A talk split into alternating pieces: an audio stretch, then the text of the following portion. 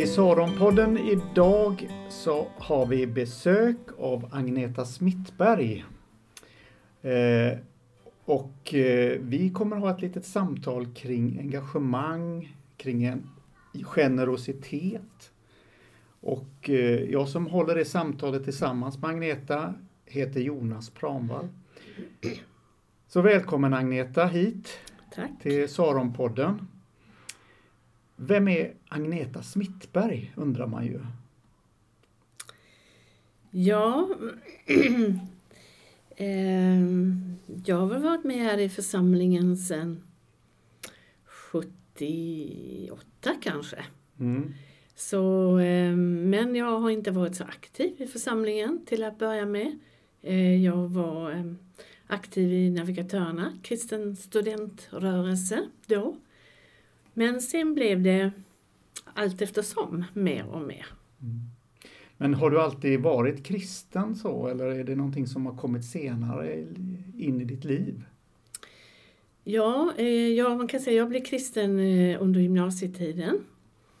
Eh, men jag växte upp i ett hem där eh, min mamma var kristen, men inte min pappa. Men det fanns eh, mycket kärlek och mycket eh, tydliga värderingar i mitt hem. Mm. Och sanning var en sådan eh, värdering. Eh, jag gick i söndagsskola, men det var inte i någon kyrka, utan det var en, någon lokal. Och minnet av det, det är ändå ett ljust minne, en, mer en känsla egentligen, Ja. än att jag förstod så mycket om, om Gud då. Men sedan, eh, allt eftersom under tonårstiden så fanns hela tiden frågorna. Eh, var kommer jag ifrån och egentligen? Och, och vad går livet ut på? Och jag tror att det var naturen mycket som väckte eh, de här stora frågorna. Jag var eh, pojkscoutledare, var mycket ute Mm. eh, i naturen och då kom frågorna, kan detta verkligen vara en slump? Mm. Det måste finnas något annat bakom.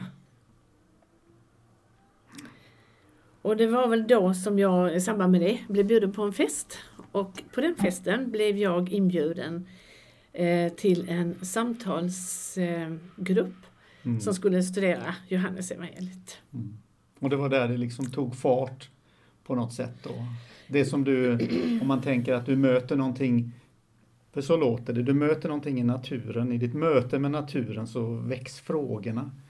Och sen kommer du in i en liten minigrupp på något sätt. Vad, Ja. vad gjorde Johannes evangeliet med dig då? Det, det var där jag eh, upptäckte eh, att det Jesus sa och gjorde, det liksom klickade till i mig. Eh, och sedan att han kunde göra mirakel och, och bevisade att han hade makt över materia, över nat- naturen och sjukdom och död. Det var, det var inte så konstigt om, om det fanns en skapare Nej. av skapelsen. Då måste han, han vara en stor gud. Så det fanns någon slags trons logik i det här Ja, något sätt? faktiskt att om, om han är Gud då, då, ehm, då är det möjligt, Mm. det jag läste om. Och jag tror att Jesu människosyn och hur han ville, hur han talade om att han, han var Guds son, han, så här var Gud. Mm. det, då tänkte jag, det, då kan jag tro det. Alltså då vill jag tro det, att det kan vara så. Så när du sen då, när du då tar ett beslut på att du vill leva som kristen, Mm. eh, gick du på universitetet då eller var det så att du fanns i studentvärlden eller hur var det? Eh, Ja, jag fanns väl i studentvärlden. Det var slutet eh, på gymnasiet och sen läste jag pedagogik i, i Lund. Men jag kom med i den här navigatörerna. Och jag kom genast med i en eh, liten grupp jag hade, mm, där man studerade vidare med Bibeln. Och jag hade jättemycket frågor. Jag fick en, en personlig mentor kan man säga. Dit jag, till henne kunde jag gå och ställa alla mina frågor och jag hade massor med frågor. Eh, så det var... Eh, och det, det här var en organisation då som, som var hade stort engagemang mm. i studentvärlden också.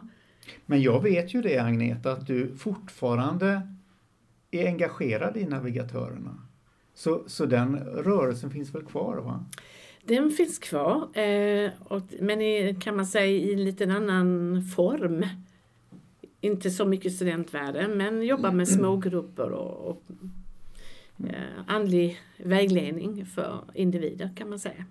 Men då sen då när du, när du beslutade för att du vill bli kristen, alltså vad blev det för förändring i ditt liv? Nu inte bara så här att det hände någonting, alltså vad, vad, om man stod vid sidan av, vad såg man då hos dig? Om man såg Agneta på gränsen till universitetet, den åldersspannet, vad såg man i ditt liv? De personerna runt dig, tror du? Det är svårt att veta förstås. Mm. Ja, det, det, är en svår fråga. Eh, jag, jag, var, jag hade stort engagemang i, i KFM och många ledarvänner där kan jag säga. Och eh, jag funderade själv väldigt mycket hur jag skulle kunna berätta om, om hur jag hade hittat fram till tron då. Och tyckte själv att det här är ju rena grekiskan. Så det är klart att när jag började prata med dem så märkte de väl någon typ av förändring att jag hade eh, hittat något annat som var värdefullt förutom eh, scouting som vi höll på med väldigt mycket då. Mm. Gjorde du andra saker när du blev kristen än vad du gjorde innan?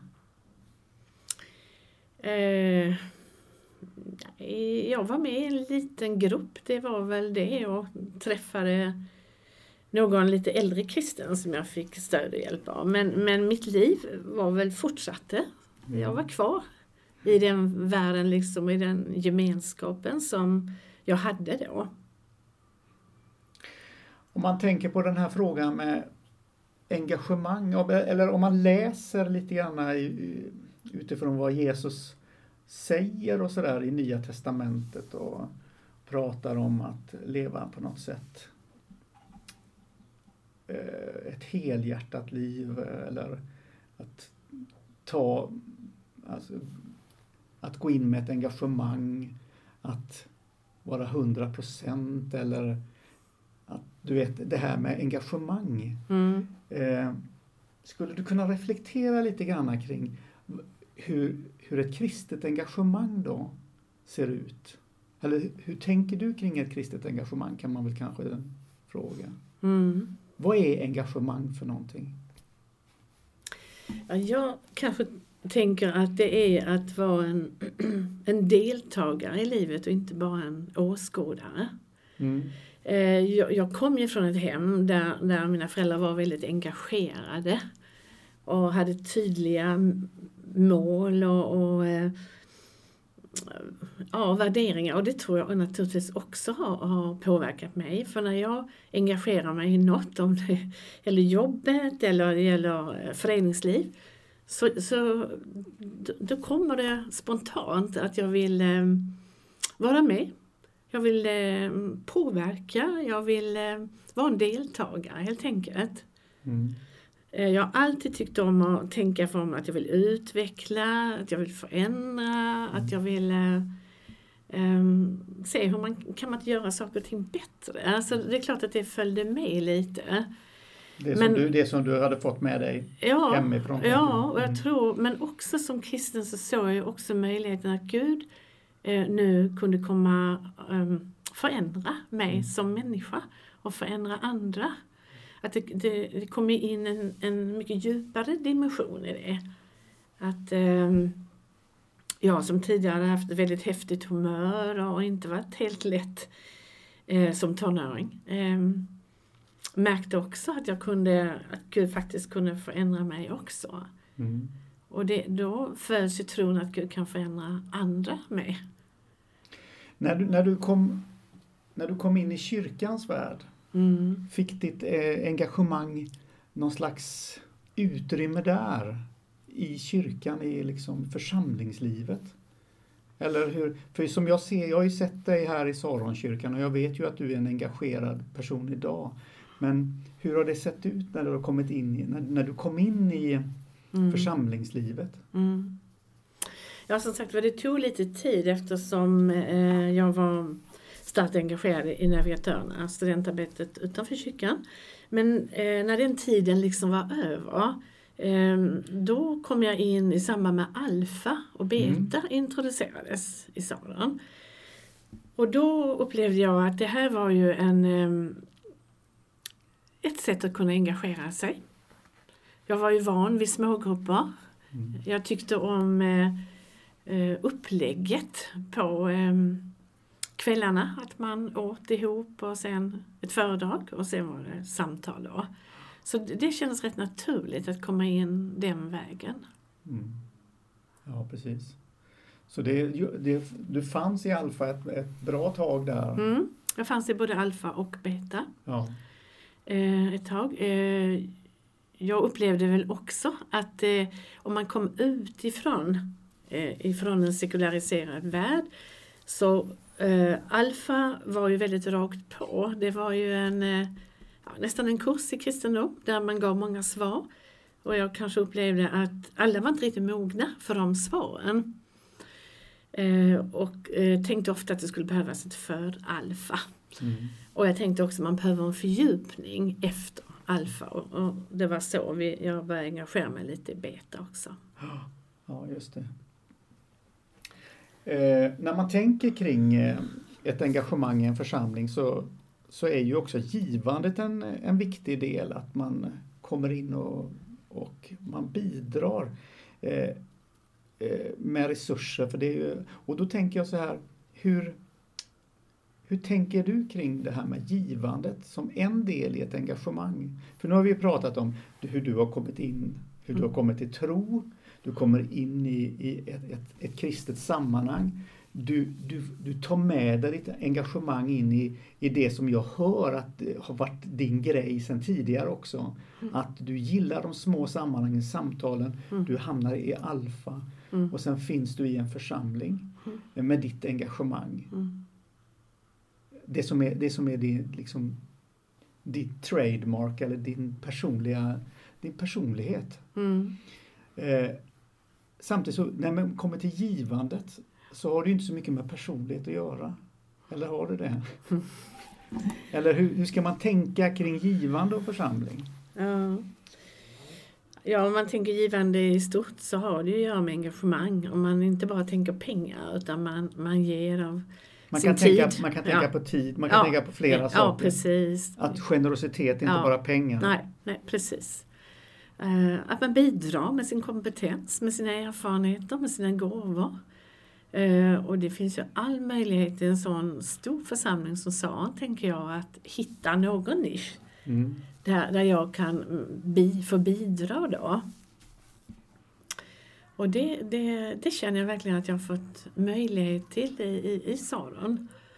Eh, sen när det gäller pengar så eh, jag tänker ofta på det här Jesus säger ni har fått för intet, så given och för intet. Mm. Att jag tror det hänger ihop med om man verkligen förstår på djupet av sitt hjärta hur mycket man har fått. Då, då föder det en tacksamhet. Och det är utifrån den tacksamheten som jag vill ge. Och då blir det liksom ingen plikt eller, eller måste utan det, det är bara en naturlig respons på, på, ja, på all, som allt jag har fått. Ehm, precis som många andra ämnen i Bibeln så, eh, så upptäckte jag ju att ja, Bibeln var ganska tydlig på detta. Att eh, om jag är generös så, så, på något sätt så får jag tillbaka. Det var det jag läste in i texten. Mm. Given och eder skall bliva givet till mm. exempel. Så det kändes som att jag kan aldrig förlora på att ge. Det var den slutsatsen jag drog när jag började eh, titta närmare på det här. Mm. Men du, är, är det tydligt liksom i, i Bibeln som du ser det, den här, den här givarkulturen eller det här att vi ska ge? Är det, är det lätt att läsa ut det i Bibeln? Tänker du att på vi, pengar då? Ja, jag tänker på pengar. Ja, ja. Ja, det, det, tycker jag för att om man läser evangelierna och, och ser hur de värnade mycket om de fattiga och, och likadant Paulus brev till exempel. Han uppmanar ju ofta det. Att ge till exempel till, till andra som inte har så mycket. Och det, det absolut att det finns en givarkultur ifrån, från Bibeln. Mm. Eh, men att också ha med sig välsignelse. Mm. Um, en sån givarkultur i en församling. Ja. Hur ser den ut när den är som bäst? Ja, då, då citerar jag den här versen att var och en kan ge som han känner sig manad i sitt hjärta. Mm. Att det inte ska vara med någon olust eller något tvång. Därför att Gud älskar en glad givare. Alltså jag tror det är hjärtats inställning framför allt som är, är det viktiga. Mm. Så det handlar egentligen inte om hur mycket man ger utan att man ger eh, det man har täckning för i sitt inre. Ja. Kan man säga så? Ja, tror jag man kan säga. Sen är jag en person som gillar utmaningar och eh, Gamla Testamentet talar ju ofta om att ge tionde. Och eh, det var en princip då eh, och den har jag prövat och jag har sett att det fungerar och att det, jag aldrig har, har haft ont om pengar utan Nej. snarare tvärtom. och det, det har varit spännande tycker jag att få göra den. Mm resan med givande. Nu på söndag så ska vi ju ha en eh, offergång i Saron. Mm. Därför att vi, eh, vi, vi tycker det är viktigt. Vi, vi, har ett, vi vill ju gärna ha ett kontinuerligt givande. Mm. Att man går in utifrån det, precis som vi pratar om. Det mm. man känner att man har täckning för. Och, så att det finns en glädje också i givandet. Men vi vill också nu då ha en, en offergång som, mm. som ett extra offer eller vad man ska säga. Ja. Ett tillfälle så. Eh, så att det kommer vi ha nu på söndag. Mm. Eh, men, men avslutningsvis Agneta. Så det jag har hört dig säga nu mm. det är att, att om man ger så, så förlorar man ingenting. Är, är, är, det, så, är det så man ska uppfatta det du säger? Alltså man, man, blir, man går inte på minus om man ger, är det så du Ja, eh, tvärtom skulle jag vilja säga. Man blir mycket rikare. Mm. Um, och eh, jag tror man måste, man behöver börja göra det för att upptäcka det. Eh, jag upptäckte att Bibeln ofta har eh, många sådana här löften att om ni gör så, så händer det här. Men att eh, det börjar liksom aldrig med att jag ska förstå hur det här fungerar. Utan det börjar med att jag gör och sen förstår jag. Mm. Jag tänker på det här som Jesus säger att om någon vill göra min vilja så ska han förstå. Ja. Om denna lärare är från Gud eller jag talar om mig själv. Och det känner jag, det, det stämmer på, på alla områden. Det är det här liksom trosteget jag behöver ta. Och sen säger jag att ja, men det här stämmer ju. Mm. Och så växer tron. Mm. Tack så mycket Agneta mm. för att du kom hit till Saronpodden. Tack. Så nu på söndag är det offergång i Saronkyrkan. välkomna till kyrkan klockan 11. Saronpodden produceras av Saronkyrkan i Göteborg.